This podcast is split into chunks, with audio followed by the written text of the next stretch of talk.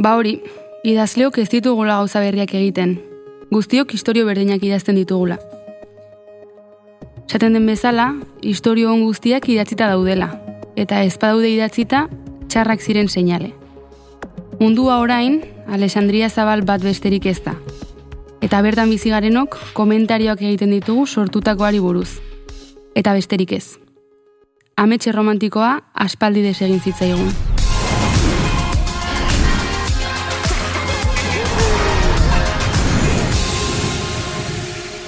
Hau badabilda. Eta gaur gurekin hiru musikari ditugu hemengoa denaz eta ez denaz, gurea denaz eta ez denaz, edota egungoa denaz eta ez denaz hitz egiteko. Panderoa eskuan egin du ibilbidea eneritza ulestia zaraustarrak. Trikitilari txabelketetan naharmendu ondoren, kepa junkerarekin partekatu zituen holtzak sorginak taldean. Neomak taldeko kide da orain. Jon Celestino iruindarra trompeta jolea da. Amaika proiektutan hartu du parte. Besteak beste, Broken Brothers Brass Band eta lurpekariak taldeetan. Herri musikaren ikerketari ere eskaini dio harreta. Iruñean bizi da ihitziri hart alostarra. Amaren alabak taldeko kantaria izateaz gain, harreman estua du beste hainbat kulturekimenekin. Makina bat pastoraletan hartu du parte, eta iruinkokoa libertimenduaren bultzatzailea da. Eta nabasa honetan gidari eta bide lagun, amets aranguren. Kaixo iruroi eta eta ongi etorri, em, tradizio edo tradizional hitza hitzaki hartuta eh, elkartu zaituztegu gaur maionen bueltan, pentsatzen dugulako bauzuela zer esan gaiaren inguruan. Eta, bueno, zuek etorrita ba musikaren e, mundutik edo erreparatuko diogu tradizio edo tradizional e, hitzari. Jon, zurekin asteko, e, askotan ikusi zaitugu igual trompeta eskutan, baina, baina bestela ere, beste gauza batzutan ere ibiltzen zara musikaren munduan. E, aipatuko dut berriz hartuko dut e, hasieran bota dudan aipua, Bernardo Atxagaren obakoak liburuko e, kapitulo baten zatia da, kapituloak dauka izena ondo plagiatzeko metodoaren azalpen laburra eta adibide bat. Piskat taipu hortara itzulita, e, zer dut esateko plagiadoren e, bueltan. Alde, kontra, plagiatzen duzuzuk, arabada nori, zergatik?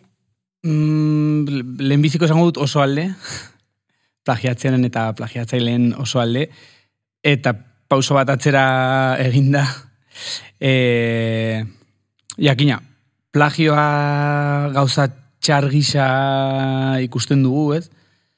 Baina gauza, gauza txargisa ikusia da e, jabegoaren erruz, ez? ez e, pentsatzen baldin dugu zerbait norbaiten jabetza dela, e, jabetza hori ostea e, ez da ongi ikusia.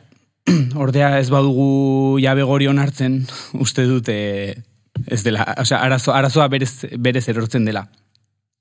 E, eta ni pixkat hortan nago, uste dute herrikultura herrikultura beste termino batzuetan e, ulertzen dugu, osea, ulertu behar dugula, edo nik bintzat ala ulertzen dut, orduan e, zerbait erabilgarria baldin bada, pues, erabili egiten dut, eta eta agian nik e, edo, edo guk edo egiten duenak e, erabiltzen duta beste forma bat, beste itxura bat e, ematen dio eta horregatik pixkat ezakit, e, salerosketaren logikatik e, ateratzen da, ez? Dantza, dantza modu bat erabilgarria baldimada jende batzuentzat herritu jakin bat egiteko, ba, erabilgarria da eta kitxo. Orduan, plagioaren aldenago, plagiorik ez dagoelako.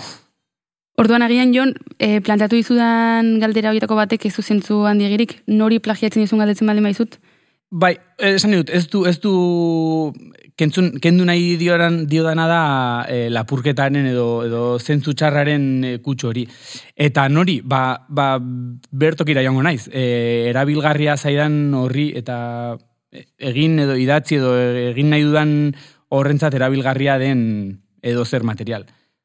Esan dut, askotan nahi gabe izaten da, seguramente, bakarra entzuten duzunagatik eta inguratzen zaituen horrengatik, ez? Hori hori heldu zaizulako eta hori izan daiteke igual, e, musika lenguaiaren oso truko zehatzetatik hasita, ez? Ez dakit nolako korte bat, eta niretzat e, idatzi dutan kantu batean, argi eta garbi bi konpasoiek e, ostu ditut mila beratzen da garren amarkadako ezakize diskotako ezakize tokitatik. Eta badakit hortik hartua dela, eta eta niretzat hortik hartua da, hortik lapurtua da, baina hor sartzen da eta horrentarako balio du, orduan ongi da. Itz, zu txikitatik aritu zara kantuan, nukerez baldin manago, eta gaur egun besteak beste, amaren alabak taldean aritzen zara. E, musika eta tradizionala hitzak hola jarraian entzuten baldin badituzu, zer datorkizu zuri burura? Ba, eta horzen zait mundu bat. Bueno, agian ez musikarekin bakarrik lutua, baizan bai. daiteke kantua edo antzerkia edo kulturgintza orokorrean eta tradizionala, hola erantzunen dut. Mhm. Mm lehenik hori, ba, mundu zabal bat, mundu zabal bat, eta mundu zabal horretan bada zerbait e, pixka bat e, abstraktoa iduritzen zaidana, eta ber momentuan ere ongi pentsatzen jartzen naizenean e, irudien bidez nire buruan zer den e, zerbait tradizionala, musika tradizional bat, ba, haunditasun horrek beldur pixka bat ere sortzen dit, edo errespetua, edo baina beldurra e, nola esan, e, oso haundia delako. E, mm Uste dudalako ez dela nire nire eskutan bakarrik edo nire eskutara elduden zerbait. E, ikusten du tasten naiz atzeraka pentsatzen pixka bat, nik edo edo zeinek e, gaur egun tradiziotzat egiten duen zerbait hartu hartuz gero, e, asten naiz ba, pentsatzen atzokoari, aurreko asteari, aurreko hilabeteari, urteak eta mendeak, eta da pixka bat, e, boa, nola heldu izan den zerbait, eta nola heldu den, esan nahi dut e, zenbat eragin izan dituen bidean, zenbat jenderen gauza izan den, zenbat e, pentsamendu, zenbat e, sormen, zenbat eztabaida, zenbat e, momentu bakarti edo ezakit, e, gauza guzi horiek heldu zaizkit, eta badela denboran iraunduen, iraunduen zerbait, eta denboran irauten lortu duen zerbait ez, eta heltzen dela ba, gaur egunera.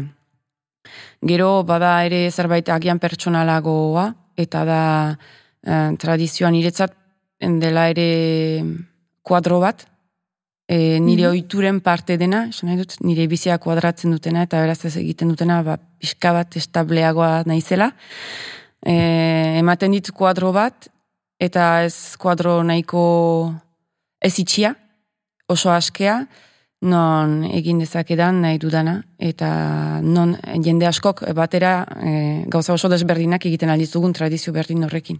E, ba, pogo batean edo publiko bat, euro kontzertu baten publikoan, ba, norbaitek salto egiten duenean, eta denak eskuekin hola eramaten ari garela pertsona bat e, toki batetik bestera, eta bakoitzak eramaten du bere gisara, eta hartzen du, e, uzten du e, nahi duena, e, eta eta kutsatzen gara hortaz, kutsatzen dugu tradizioa, kutsatzen dugu parean e, pertsona hori mantentzen ari dena, eta ikusten dut gauza izugarria handi, zabal eta abstrakto bat bezala. Mm Aber, daipatu dituzu momentu batean definitzearena, handitasunari beldur hori, ez dakit badagoen beldur puntu bat ere handitasun hori mm, mugatzeko behar batean?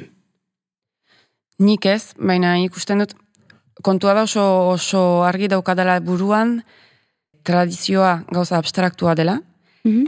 eta jendeak tradizioa egiten duela, eta tradizioak jendea egiten duela, baina jendea ez da tradizioa. Esan nahi dut. Mm izan zaitezke, izan zaitezke, adibidez, hitz egiten badugu, tradizioari lotzen zaizkion beste termino batzu, ez? E, kontserbadore hitza edo edo nostalgia puntu bat edo hori iduritzen zait hori askoz ulergarria balin bazait ere, oso ulergarria, zen uste dut niri ere gertatzen altzaitan zerbait dela denborarekin. Oso arriskutsua izaten aldela, bi gauza horiek ez, de, ez desberdintzea. Ze tradizioa oso moldagarria da eta abstraktua, aldiz jendea eta ideiak ez horren beste. Eta uste dut, jendeak duela egiten tradizioa fosilizatzen eta eta ez mm tradizioak tradizioak berak ez duela errurik. Mm -hmm. Eren zu trikitisa mundutik heldu zara, e, bilia zara kepa jonkera eta sorginak proiektuan, gaur egun neomak taldeko kide zara, e, zer behar du musika batek tradizionala izateko? Edo nola egiten da musika tradizionala?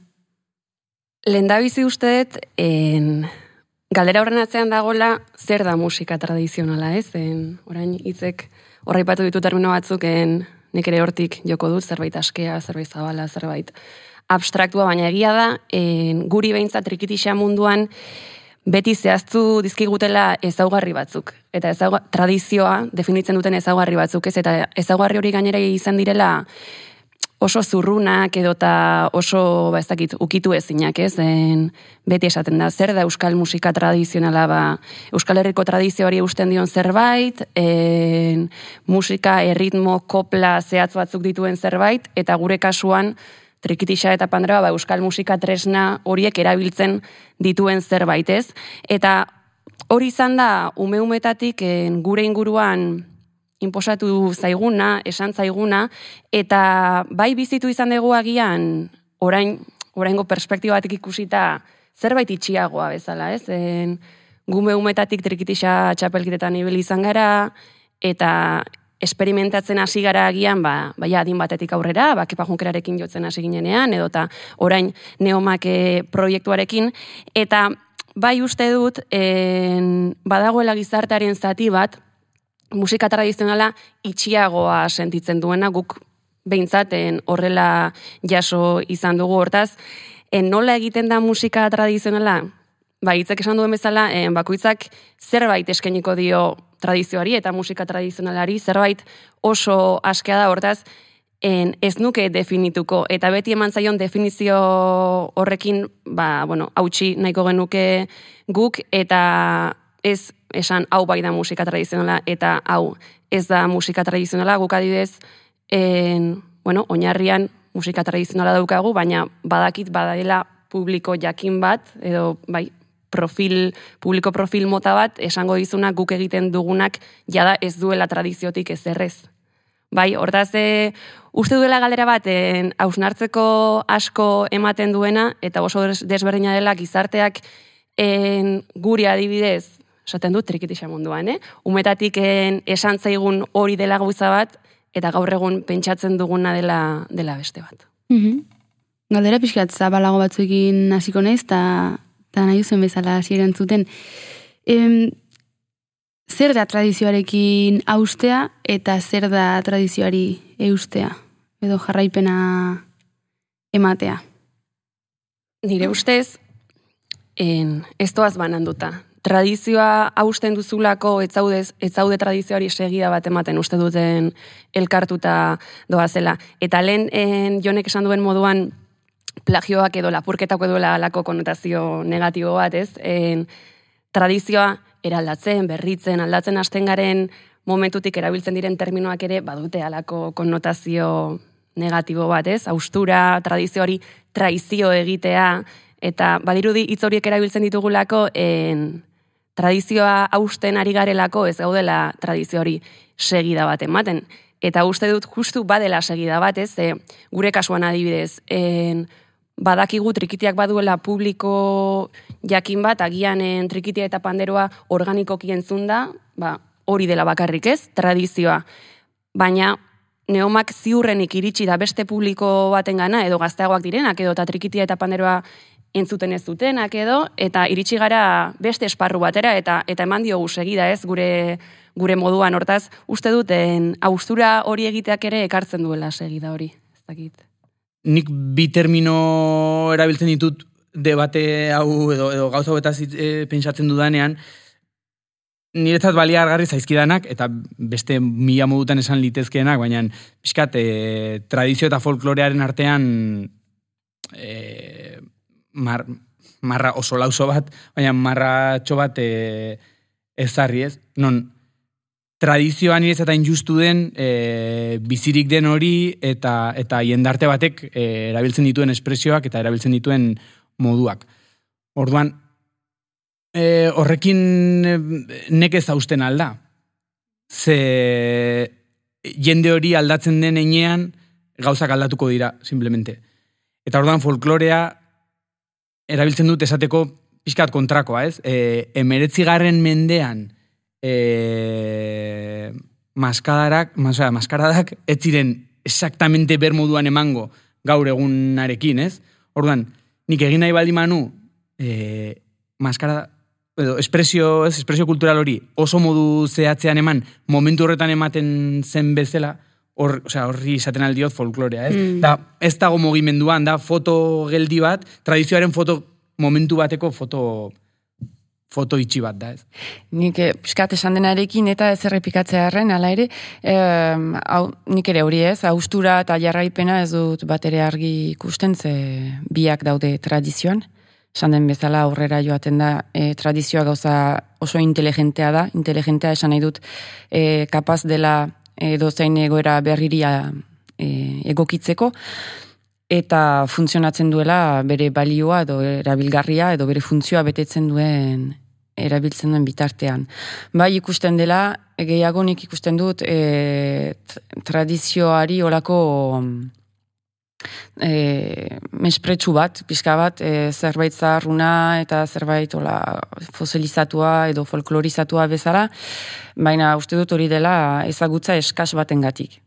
E, ez delako ez dagoelako jakintzarik atzean, eta ez delako jende bat agian hortaz busti, edo busti ala izan, eta hor ere bada pixkat sentsazio bat, e, jende batek nola ezin izan duen hortan sartu txikitatik, ba ez duela bere tokia ere agian txikitatik edo bidean, ez, e, ez duela bere bidea hor agian e, aurkitzen, baina ez dut uste tradizioaren tradizioaren gatik berez denik. Eta bada, hola, horrekin hautsi nahi eta behar bat, e, aita erailtzea bezala, nik berria egiten dut, baina, bueno, berria badakigu, ba, bueno, ez dakit, humilitate pixka bat ere beharko dugu momentu batean, ez? E, gauza batzu egin dira, heldu dira orain arte ere, igual funtzionatu dutelako, agian e, gauza batzuak ez digute balio, baina beste gauza batzu zen alditugu bazter, eta gauza batzu deskubritzen dugu jadanik e, berritzat ditugula, jadanik eginak izan direla, eta baztertuak izan direla, eta berriz hartzen ditugula, beraz,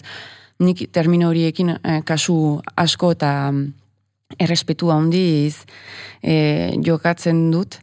Eta pixka bat, e, jonek esan dunarekin, e, folklore hitza ulertzen dut zukola baliatzen duzula, Baina, esan dute bai, bera, baina. nahi nuke bairatu justuki esateko folklorea e, herri jakintza dela. Beraz, e, ez da fosilizatua ere, niretzako ez da argazki bat, Bai, bai, bai, nik oza, hori erabiltzen dut beste, beste baten faltan, eh? Bai, eta, bai. eta gero egunerokoan seguramente erabiliko ditut baliokide. Ipatu duzu hitz, e, mespretsua, ezagutza eskasa, nire ustez ere bada beste, beste faktora sartzen dena hor, eta da, herri hontan esanen dut, autentizidade behar bat ere badagoela, ez? Edo, edo gurea den eta hemengoa den horri heltzeko, zergatik dago? Nik uste dut, jadanik ezin dugula konparatu, edo ezin garela jarri ere, edo ezin dugula egin e, hemen deus gertatzen ez baliz bezala. Esan dut, Euskal kultura hitz egiten dugu, Euskal Herria ez denean jadanik nazio bat ere, esan dut, estatu bat. Beraz, ari gara gauza asko egiten, e, ez dakit, indar asko ematen ari gara, jadanik gauza batzu aurrera, beti defendatu, berriro ekarrazi nahian, benetan gozatu, ez dakit, e, simpleki gozatzeko bakarrik e, ba, baliz bezala, ez baliz bezala ere, esan nahi dut, mm, gauzak egin e, zerbait ekartzen digutelako, ez? Em, uste dut neork ez duela eskubiderik esateko zer den tradizionala eta zer ez. E, eta uste dut tradizionala izan daitekela e, baliagarria den bitartean, beraz, herriak eta eta eta tradizioa esan nahi dut, kantu edo dantza egiten duen jendeak e, jende horri baliagarri zaion bitartean. Esan dut, e, niretzako horrek du egiten tradizionala ala ez, niretzako igual e, ez da tradizionala ere e, talde zuen taldeak egiten duena, baina niri ni, niri ez ideusek hartzen esatea hau tradizionala da edo, Mhm. edo ez. E, bere funtzioa betetzen duen bitartean, gero niri bai e, egiten zait pixka bat em, e, ikusten dut aldea, e, funtzio hori gehiago ekartzean em, jendartera, ez dakit nola esan. Em, e, nire amaren alabak taldekoa naiz, eta guk ere ikusgarriak egin ditugu, eta kantatu dugu jende aurrean. Egiten duguna iduritzen zait tradizionala dela, baina de, tradizionala ez dena iduritzen zait e, eszenatoki baten gainean izatea. Ta eta bilakatzea pixka bat e, publikoa kontsumitzaile eta eta zu artista. E, nik e, tradizionalzat Mhm. ikusten dudana da, balin bada zerbaitek definitzen duena niretzat tradizioa da, em, euskal e, herritarrak e, dantzatu, kantatu, e, bertxotan, musikaio eta egin dezan. Ez dezan utzi hori Hmm. besteen esku, edo artista batzuen esku, eta izan dadin, eien egunerokotasuna, ba, ontzeko, posteko, edo baliagarri tresna bezala pertsona bakoitzerak. Hori zain niretzako tradizio, tradizio hitza. Ez dezagun izan behar, ba, e, maialen lujanbio bat, bertxotan aritzeko, eta e, batak ez du besteak entzen, eh? Mhm. Baina agian hor nik koska txiki bat edo desberdintasun txiki bat ikusten dut. E, herriak berak duenean egiten, eta ni herria naiz, baina ja eszenatoki baten gainean. Eta hor aldea ikusten dut, jadanik. Baina eta ularatze hori ez da pixkat galdera da, eh? Bai, bai. E, tradizio horren egokitzapena. Izan daiteke, baina nik ikusten diot e, arazo bat, da hortara goazela asko, Ja, eta Eta bestea, bestea- geratzen dela aldatera. Mhm. eta Eta eta harremanak e, guztiz e, subertitzen ditu. Mhm. E, muga, muga bat etzen, jen, etzen tokian muga bat ezartzen du, ba, os- oso modu zabalean esan da, baina e, ikuslegoan dagoen edo, edonor izan litekeenean e, egiten ari dena, horrez dago, horrez dago mugarik. Ez?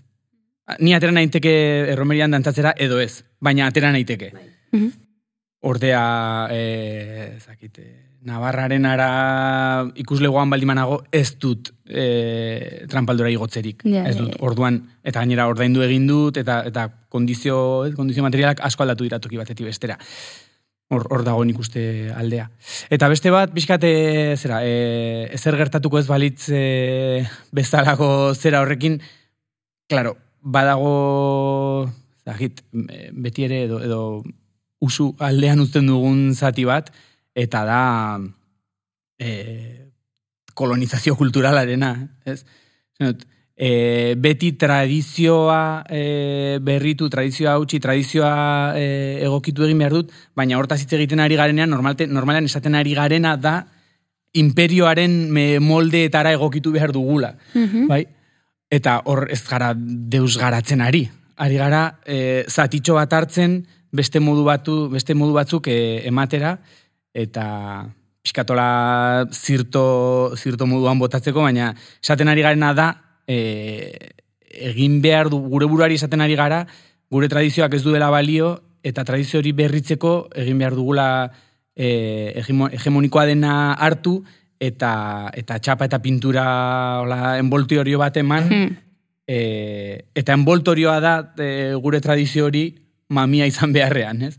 Eta gero, bera, eta, eta justo kontrakoa esateko, dantzai hauziak e, kobrekin ematen ari zire, osea, hasi zirelarik, hain justu hori da e, adaptazio bat, ez? E, trompetak, saxofonak ez dakizter, asmatzen dira, eta orduan, e, bizirik den e, erritu bat, orain ematen da beste instrumento hauekin. Mhm. E, oso, oso ageriko beste, beste zera bat, beste adibide bat, da soinu txikiarena. Soinu txikiak, bueno, naiz eta, bale, infernuko auspoa, mitori guztia, Hmm. guapo dago, baina azken finean soinu txikia hartu zen, hain zuzen ere, erromeriak e, bazirelako, e, emakumezkoak koplatan ari zirelako, pandero ez lagunduta ezak zer, eta batean, zarata gehiago zegoen gizarte batean, soinu txikiak, pues, abantaia asko ematen zituen. Orduan, ez dago tradizioarekin austurarik, badago adaptazio bat, baina badago adaptazio bat, nun mami nagusiari eusten zaion, ez? Baliabideak dira berriak edo musika tresna hitzak berak oso erraz esaten du, da, tresna bat, bai, da lanabes bat. Orduan, lanabes batek balio baldin badu egin behar den lana hobe egiteko, pues, balio du. Baina, lanabes hori ez da izango e, ezerren portadore, ez? Ez da izango tradizioaren portadore. Dakit. Mhm. Hor nik bai en, gehitu nahiko nuke zerbait, en, bueno, eraman nau zure, bueno, zuk esan dagoak hausnartzen eraman nau, eta guztiz ados azkenean en, tradizioaren pixua ez daukatela holtzan dauden, ok, bakarrik ez daukagula, eta tradizio dela herri, herriak egiten duela, ez? Tradizioa. Eta gero, Jon, okerrez banago esan duzu, tradizioa berritzen den momentuan, edo eraldatzen den momentuan, hori egiten dela uste dugulako tradizio horrek ez duela balio edo edo adaptazio bat behar duela, ez dakit horrela esan duzun edo ta Iruditzen zait, osea, Bai. behintzat erabiltzen dugunean, osea, hitz batzuk edo pensamentu batzuk erabiltzen ditugunean, niri neuri behintzat gertatu Mhm. zait, hola gertatu zait, eh? Austeko beharra baldin badut, bai iruditzen zait pixkat hori. Austeko beharra baldin badut, da pentsatzen dudala ez dela aski nin, oza, ni naizen hori edo ni naizen e, beharrei erantzungo dien zera horretarako ez duela balio horregatik behar dut e, hautsi. Bai, agian... Horrela pentsatzen en, nuen momentu bai, batean. austura hori egiten dugula aurreko horrek edota ez, en, mamian tradiziotzat daukogon horreken ez gaituelako asetzen edo. Zakit hor, pixka baten galditzen naiz, en, azkenean guk, eh, gure, osea, gure, gure kasuan begintzat, uste dut guri izatez asetzen gaituela ba, errome- erromeria batek eta eta egiten ditugu eta egin izan ditugu urte luzez, baina agian orain momentu honetan, bueno, zuri arrazoi ematen ari naiz, ez? baina pertsona bezala, ba, nik eneritz bezala edo eta guk eh, neomak bezala en, behar dugula en, eskaintzen duguna beste, beste zerbait izatea, baina, baina kenduko nuke nire diskursotik en, ez dela, ez digula mamian denak balio. Balio digu eta, eta, eta asko gainera, gainera izan da gure infantzia, eta gaur egun ere egiten dugun zerbait da. Mhm. Daz, bai, da, da pixkaten gai bat, ez Bai, dakit, bai, labainkorra guztiz. Bai, bai, bai. Bai, lausoa da mundu hau. Okurtzen zaidan galdera da, posible da musika tradizionala ez egitea? Nik uste ez, ez, osea, musika guztiek badutela e, beraien tradizioak eta beraien errituak. Orduan, dut, Euskal Herrian, Euskal Herrian bertan, hainbat musika tradizio daude e, bizirik batzuk besteen, batzuk besteen ondoan eta batzuk bestea bustitzen dituztenak. E, motz esateko, rock radikala gure tradizioetako bat bada. Eta, ez dakit, musika urbanoa, hitz hori erabiliko dut, ona heldu denean berekin badakar bere tradizioa. Eta bere Mm. estetika ere bere tradizioa da. Eta, eta bere egoteko modua, eta bere zuzenekoa egiteko modua, eta bere e, produzitzeko eta sortzeko modua, hori guztiat bere hortan ere tradizio bat bada. Oroitzen naiz, ekainan egon nintzela jardunaldi batzuetan, justo bai, tradizioaren bueltakot, zure egon zinen jon, eta ez dakitzuk esan ziren, baina oroitzen naiz, ni joan nintzela pixkat ideia horrekin, e, ideiatak esaten zuena, e, claro, guk berritasun edo berrikuntza egiten diogun hori, ez, ona heltzen, dena aguziakako txartean, eh, baina ona heltzen den berritasun hori beste tradizio baten parte da, ez? Mhm. Osea, gure tradizio, gure erekako sartean, baina bueno, gure tradizio e, hortan berrikuntzatik ikusten dugunean, ez da momentu hontan sortu den zerbait, bizik eta igual beste tradizio batetik heldua dena. Ez? Eta ez dela berria, ez? Esaten da, den Mhm. asmatu dagoela, esan nahi dut. Mhm. Eta hori da adibidez, e, Broken Brothers bat heltzen denean iruñera ere, e, iduritzen zaigu iruñan zaude, eta ai, ze, ze soinu berria, eta ze, baina, jo, tradizio handiko Bai. linea bat da, Bai. eta eta da, segun nola nondik zatozen, nora datorren, eta gero oso garrantzitsua da ere, e, tradizioak mugitu daitezen ere, ze e, hijitoek garai batean bezala, baina orain beste modu batera, ez, baina musika beltzarekin, baina e, zenbat, e, zenbat kapaz diren tradizioak bata beste iri hartzeko, eta plagioarekin hitz egiten genuen pixka bat, baina azkenean ongi plagiatzeko metodoa da, ez da, Mm. ez da hartzen dizut pixka bat zuri, besteari kontua da jendeak ez duela behar hartu, hartu dela, baina ba, agian hobe da plagiatzea urruti dagoenari, ez eta hurbil dagoenari, Mhm. baina e, tradizioa hori da, ez dakite, bustitzen eta hartzen eta guzten den gauza bat. Dena atorrela non baitetik azkenean. Eta eta gehienak uki duela gainera harremana lehen ere, batzutan e, hori azten azu egiten zaigo ez, baina joan etorriak beti horrela dira, eta ez dakite, adibide e, ben bidali nizuen, e, ari nintzen New Orleanseko aspaldiko musikari batzuei buruz e, irakurtzen, eta emeretzigarren mendean zeintzuk ziren e, hor, e, boladan zeuden e, dantzak New Orleans, Louisiana inguruan, eta horietako bat zen e, kadril. Eta ni kadril hitz hori, kadril, kadril, kadril, eta batean nintzat kadril zen, beda xagarren disko batean e, agertzen zen doinu bat, enuen inoiz dantzatzen ikusi, en- enekien zertzen, eta batean emeretzi garren mendean, dut, gertatzen ari zen ber momentuan New Orleansen, eta eta Euskal Herriko zati batean bederen. Bai.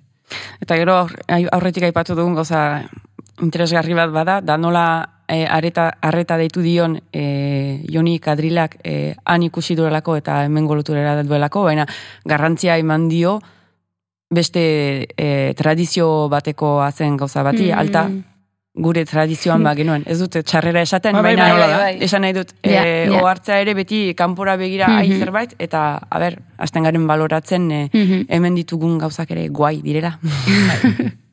ba, neritz baliatuko dut, zuk e, aurretik aipatu duzun gauza bat, mm, neomaki kritika egin dizuete noiz baita, aurpegiratu izan dizuete, ba ez dakit traizio hori ez, tradizio hori, traizio hori egin izana, e, ba igual zentosten mundu horrekin hautsi eta eta orain jani zareten ontan ibiltzea. Ez dakit kritika horiek nondik eginak izan diren, mm, zin izan, zintzuk izan diren kritikak bere horretan?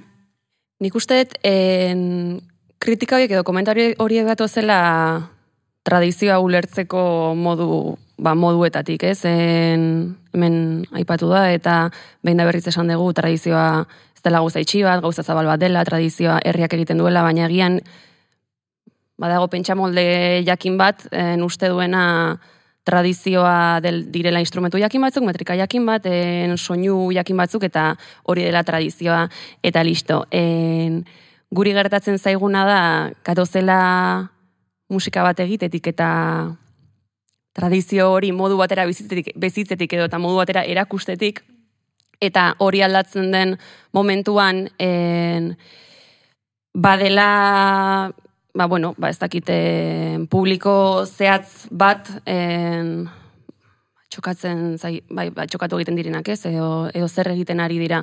En, berriz ere trikitisa eta panderoa aipatuko ditut, baina nik en, gehien ezagutzen ditudan musika tresnak direlako da, eta inguru hortan hasi izan naizelako, bai en, izan da pur bat en, inguru ukitu ezin batez, e, tabu bat, eta adibidez zerbait komertzialagoa egiten zaren egiten hasten zaren momentuan ere ematen duen tradizio hori eta trikitia eta panderoa saltzen ari saltzen ari zarela. Eta bai da kontu baten guri iritsi zaiguna en ausnarketarako ere asko eman diguna eta guken defendatu behar izan duguna. En agian zuretzat en ba tradizio hori zerbait txarra egiten ari gara edo mhm. edo zentzu negatiboan ari gara erabiltzen tradizio hori. Ziurrenik da, zuk pentsatzen duzulako tradizioa dela, ba, ba horixe, erromeria eta eta listo. Orduan, e, tradizioa ere, hitzek esan du, ez dela soiko holtza gainean ikusten dena, eta ni egon naiteke holtza gainean e, zuretzat hain tradizionala ez den zerbait egiten, baina gian zuzaude behan en, Euskal Herriak tradiziotzat hartzen duen harinarin bat dantzatzen, eta ari gara hori bultzatzen, ez? Orduan, hortik e, jotzen dugu pixka bat ezagit, ze iritzi dezuten. Baina, baina, or, ordea, e, inoren sorpresarako, hau eta begira nik justo kontrakoa zen, zen nik kanpotik bizi dut e, soinuaren mundua, baina soinua Euskal Herrira iritsi denetik, belaunaldi guztiek e, hautsi dute aurreko belaunaldiarekin. Guzti guztiek. Orduan, mobida da e, tradizioaren ikuspuntu oso polita izan da, e, hau, hau, hau, gordekut, igual, inoiz tatuaje bat egiten mail maut, izango da zure esaldi bat, eta da, esan dut, tradizioa azkarrago mugitzen dela jendea baino, jend, oza, jendartea dela ertxiagoa bai. tradizioa bera baino, eta jendarte, oza, guk geuk e, hartzen dugu tradiziotzat, e, gu kulturatuak izan garen momentu hori, eta orduan urrengoak e, berea egiten ari hasten hasten diren momentuan, orduan hori da tradizioarekin austea, claro. baina gure belaunaldiak e, aurrekoarekin egin zuen bergauza da, berriro ez. Eta, esan soinu txikian hori oso oso oso biztakoa iruditzen zait dela. Eta ordea, badago belaunaldi bat, berriz esango duena, hauek ari dira, hori da, dira, hori da tradizio, beste tradizio. Eta hori da, agian tradizioa hori da. Baina ikuste dut, ez dakite esaten ari garen alagurtu, zagianen tradizioak hartu ditzakez bide desberdin asko, eta eta agian pertsonak geratu daiteke bere bidearekin eta listo, eta bere bidearekin geratzen den pertsona horrentzat, gainontzeko bideak ez dira tradizio izango. Hortaz, Bai, bai. Nik bizitu dut, adibidez, eh, Jose Miel Bidador pastorala egin ginoenean iruñean, eh, ba, iruñen geunden, eta beraz ni nahiko bebestua sentitzen nintzen ere, zelen aldia zen goa eramaten nuela, eta eta iru, e, siberutik kanpo. Eta etorri zitzaidan e, amikuzeko pertsona bat, ez dela siberotarra ere, eta e, pixka bat ulektarazteko guk hola deitzen ditugu gure artean bizar suriak. Eta beraz, e, etorri zitzaidan eta esan zidan jo, e, ba, ikuskizuna, ikuskizuna oso polita, eh? E, e, baina, ja, banekien deitzen zuela ikuskizuna eta nire etzela ikuskizuna. Eta berak bazekien nik ez nuela ikuskizuntzat e, hartzen nire, nire lana. E, baina, baina hau pastorala ez da pastorala, eta esaten diot, ados, eta zergatik ez da pastorala, esaten diot, ba, makil kolpeak ez direlako entzuten esena gainean. Klaro guk, e, minimalistagoak izan nahi ginuen suberoan baino, bazen pentsa beste pentsa kera bat atzetik, e, beste lan bat, siberoan ez dena eramaten, eta, eta tauladarik ez genuen eman, eta lurrean bertan jotzen genuen, Bai. eta beraz tipo horrek, ba, esan zidan, etzela pastorala horrengatik, beraz, horregatik eh, deitzen ditugu bizar suriak ere, eta dira, ba, momentu batean, e, garai batean, eta bloke, blokeatuak dauden gauza batzu, eta, eta epai supremo bat zuentzat hartzen dute hien burua, baina hori ez da deus, ez da deus grabea, zuk ez badiozu garrantzirik ematen. Eta, eta esan zidan mere pastoralak izan behar zuela mm, askoz simpleagoa, askoz ulergarriagoa, laborari sumearen egina zela eh, pastorala. Eta nire buruan egin zuen, ze bera laboraria da. Eta esan, bale, ba, hola kontsideratzen baduzu zure burua, pixka bat simplista, eta ba, ados, hau ez da zuretzat, baina, bueno, ez dut uste pastorala hori denik. Bastante izen polita bizar xuri deitzea. Ba, beste kontzeptu batzuk ez? Bai. E, honen bueltan ez dakitzera gehiago nahi duzuen gehitu edo edo itzuli beste galderen batera edo... Mm, nik, tonteri bat, parkatu. Eh. Ba, e, hau ni buruz pixkat ikasten eta ea, ea zer zen idatzia eta zer ikasnezaken gauza behi buruz hasi nintzenean, banuen zerbait, eta da, niretzat, horrela esango dut, eh, ez doka mairuren e, belaunaldia oso tradiziozko gauza bat zen, ze kantu asko ezagun ditut, e, aurra naizenetik etxean hori eman didate, eta nizat hori zen, e, argi garbi euskal musika tradizionala. Ordea, pixkate, ariketa bat eginez, beraiek me, momentu horretan egin zuten horri, argitar garbi, osea, beraiek egiten saiatzen ari zirena zen, Ego Amerika osoan eta Ipar Amerikan ere gertatzen ari zen e, e, moda bati jarraiki. Hau da, e, e, folgaist esaten zaiona ez, herri, herri baten gogoa, kantuen bidez mamitu, gitarra zeman, e, jende asko bildu kantu hiek emateko, hau da, tradizioarekin arren, osea, tradiziotik edaten zuena, baina tradizioa etzena, eta tradizio baten e, sort, sortze bat bere hortan badena, ez? Neurri batean. Naiz eta, bueno, ez, ez da, oso, oso simplea da horrela esatea, baina, baina polita egiten zait. Euskal kantagintza berrian, hitz garrantzitsuena, seguramente ez zen ez euskal, ez kantagintza baizik eta berria. Mhm. Baina azkenean nahi gabe beste denbora batetik bizitzen duzunean, ez, en, errazago jartzen diogula etiketa hori, ez, zuk esan duzu, ba. Umetan hori entzutean, en, nahi gabe ere lotzen zenuela Nire tradizioa bada. zure tradizioa da, noski, baina denbora jakin horretan beraiek hori sortu zutenean, zen... Bueno, horregatik hitz egiten dugu tradizioetaz, ez Mhm. tradizioaz. Hori da. Bai. Igual hori da planteatu berdena ere, pixkat.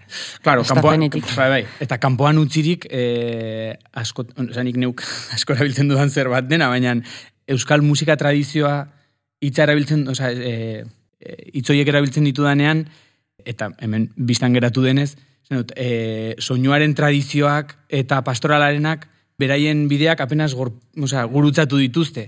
Odan guk e, euskararen herri bat e, dugunez e, buruan, hartzen ditugu euskararen e, herrian dauden tradizio diferenteak, tradizio bakar bat balira bezala, eta eta ez dira, Eta ez. tradizio, tradizio diferente pila bat dira, badi, osea, beraien artean eukiko dituzten harremanak, eta eta harreman handiagoak eukiko dituztenak seguramente e, denbora joan ahala, ez? Dut, orain dela berrogeita hamar urte etzen pastoral bat gertatuko iruñan, inoler, bueno, eta orain dela amabost urte, seguramente apenas. Gertatu zen Parisen, baina bai.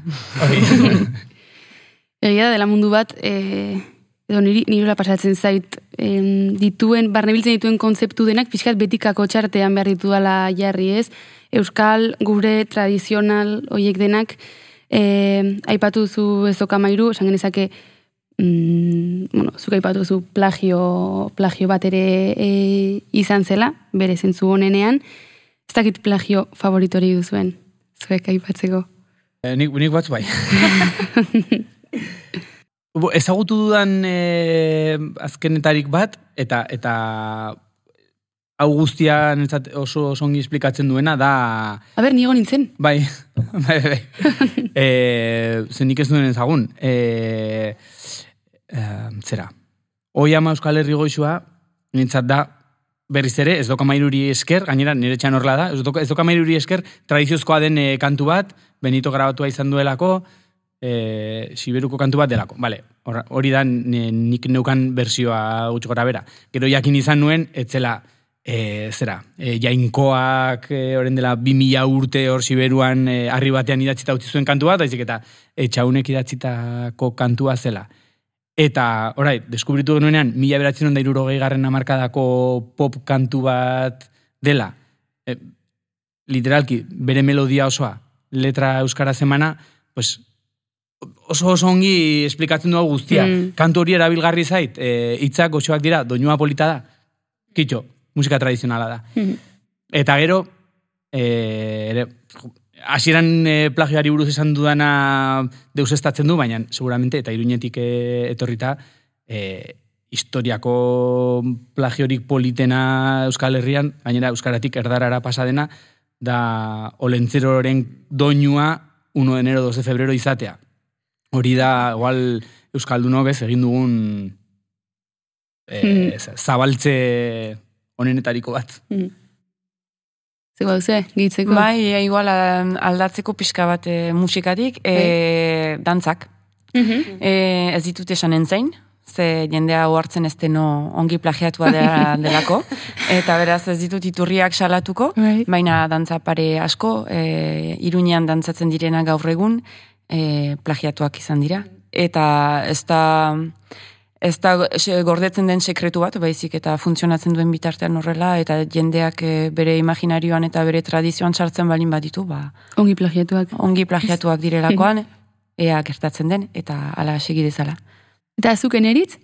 Ba, ez dakit favoritorik edo, baina bai dela egia askotan gertatzen zaigula jonek aipatu duena, ez? Hartzen dugu e, kantu bat tradiziotzat, edo eta guk entzun diogun pertsona horrena izango balitz ezala, eta jakiten duzunen ez, ez dela horrela izaten da, lako hasieran ez buruak egiten dizu hor kerrako bat, eta gero esaten duzu, ostra, bada plagio bat, eta zergatik da plagio bat, ba, ba ondo egina dagolako, eta hartzen dugulako zerbait ondo egina, ba, adibidez, en, behin batean loiolan, ez? Mhm. Ume umetatik kantatu izan dugu, dantzatu izan dugu, eta gero entzuten duzu bertsioa inglesez, jonden berreka bestuta, eta, eta da, ostras, ba, ba ez da, ba ez da eganena, ez? Ez da saldiasen kantu bat. Ba, tradiziora itzulita eta Durangoko azoka segitu heldu dela e, kontuan hartuta, bada tradizio bat zuen dago azokara bisitan joatea? Bai, niretzat, bai, umetan eskolarekin joaten ginen, baina familiarekin ere izan, iz- ba, izan dugu ohitura hori ara joateko, eta orain da apur bat, aitzaki bat lagun artean ere biltzeko, eta sortzaien artean ere sortzen dira lako elkarrezketa batzuk nire ustez oso aberatsak direnak, eta eta bai, en, izaten da, ba, beno, aste buru bat edo eta aste bat en, durangora joaten garena. Mm. Ba, gu ikastolarekin eta lizeoa eta kolegioarekin joaten ginen e, hori autobusean e, ara e, eskola, eskola egun batean, beraz e, ongi etortzen zitzaigun eta asko maite genuen. Baina egia da, orai, e, ja, pixka bat urruti geratu zai dala, esan nahi dut kilometrotan handa eta ara joan behar da, eta, bueno, ba, nagia pixka bat, eta ba, aurreko egunetan beti karrikiritik pasa, eta elementu berdinak erosten alditugunez, ba, nahiago han, e, komertzio txikian. Ba, nik ez, zola, tradiziorik ez. E, askotan izan naiz, eta inoiz izan naiz e, azokan bertan jotzen, bestela ere durangoko lagun musikariak baditugu, eta joan izan gara kasi gehiago hoien kalen e, tragoak hartzera, eta hola. Baina, baina loxe tradizioa ez. Eta gainera beti ez hor dut e, arrori duen zentralidadea, agian beharrezkoa izan da ere, duen zentralidadea euskarazko musikaren eta literatuaren e, produkzioaren e, inguruan, ba, horrek ere sortzen ditolako ezin egon zerbait. Ba, Nahiago dudalako agian ara joan gauza raroak e, bilatzera, eta ez e, hitzek dioen bezala karrikirin edo zein egunetan lor dezakedan hori lortzera baino. ez. Oso ongi eskerrik asko irukote eta segituko dugu beste batean. Songi. Horrengo arte. Ni esker. Aurtengoa Durangoko azokaren berrogeita emezortzigarren edizioa da. Entzun duzun hau berriz, badabilda Durangoko azokaren podcasta. Ametsa arangurenek aurkeztua eta hiru damatxok EITB podcastentzat ekoitzia. Zuzendaritza eta ekoizpen lana hiru damatxok egin du. Zuzeneko soinua eta soinu postprodukzioa berriz, inigo etxarrik.